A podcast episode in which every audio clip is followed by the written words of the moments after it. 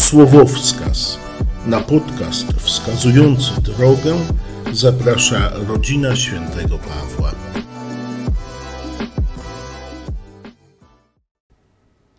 Gdy Pan Bóg uczynił ziemię i niebo, nie było jeszcze na ziemi żadnego krzewu polnego i żadna trawa jeszcze nie wzeszła.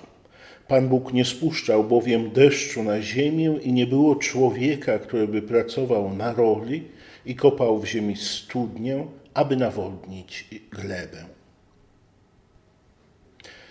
Na początku Pisma Świętego, na początku pierwszej księgi Pisma Świętego, Księgi Rodzaju, znajdujemy, y, możemy przeczytać opowiadanie o stworzeniu świata, opowiadanie o pierwszych wydarzeniach z historii świata.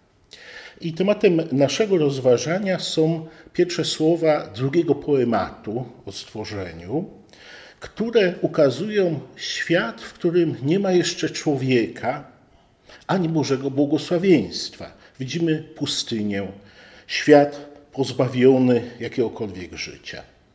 Wiem, że starożytne opisy, starożytne opowiadania, poematy o stworzeniu świata, o początkach świata nie miały na celu przekazania jakichś informacji na ten temat, ale miały na celu e, pouczenie o tym, w jaki sposób świat funkcjonuje. Świat jest stworzony w taki, a inny sposób. Świat funkcjonuje tak, a nie inaczej.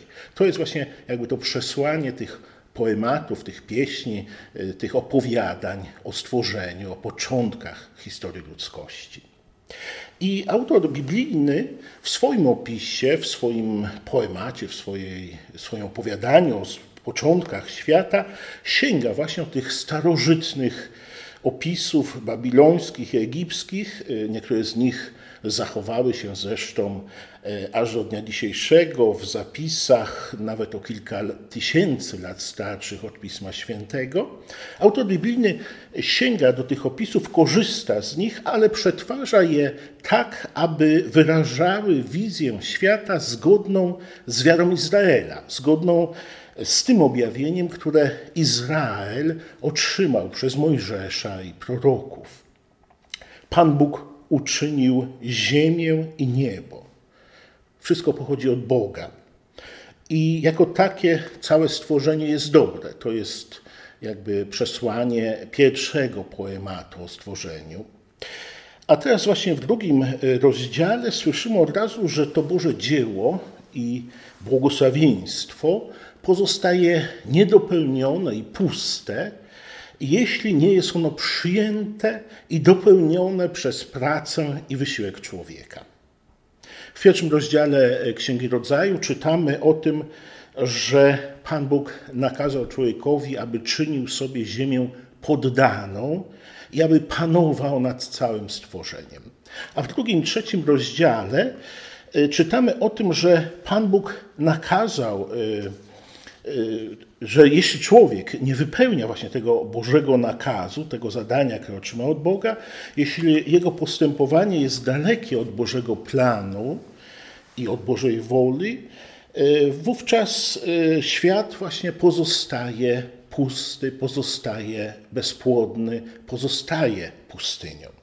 Drugi opis, drugie, drugie opowiadanie o stworzeniu e, przechodzi zaraz w opis ludzkiego grzechu, grzechu pychy, grzechu zawiści.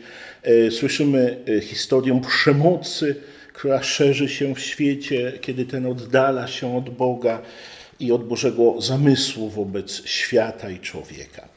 Pierwsze 11 rozdziałów Księgi Rodzaju e, przygotowuje nas na historię Abrahama, historię Bożego powołania, które kierowane jest do człowieka, aby wyprowadzić go w nieznane, ku ziemi obiecanej, gdzie realizować się będzie Boże błogosławieństwo. To właśnie odpowiedź wiary Abrahama pozwala E, mu doświadczyć Bożego błogosławieństwa i stać się błogosławieństwem.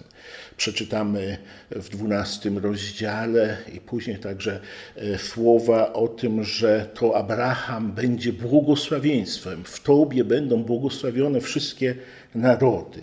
I to jest zadanie które od samego początku Bóg zamierzył dla Abrahama, ale też i dla każdego człowieka, właśnie aby pracował na ziemi i aby dzięki jego pracy i Bożemu błogosławieństwu ziemia mogła stawać się płodna i mogła przynosić dobre owoce na pożytek nas i wszystkich ludzi.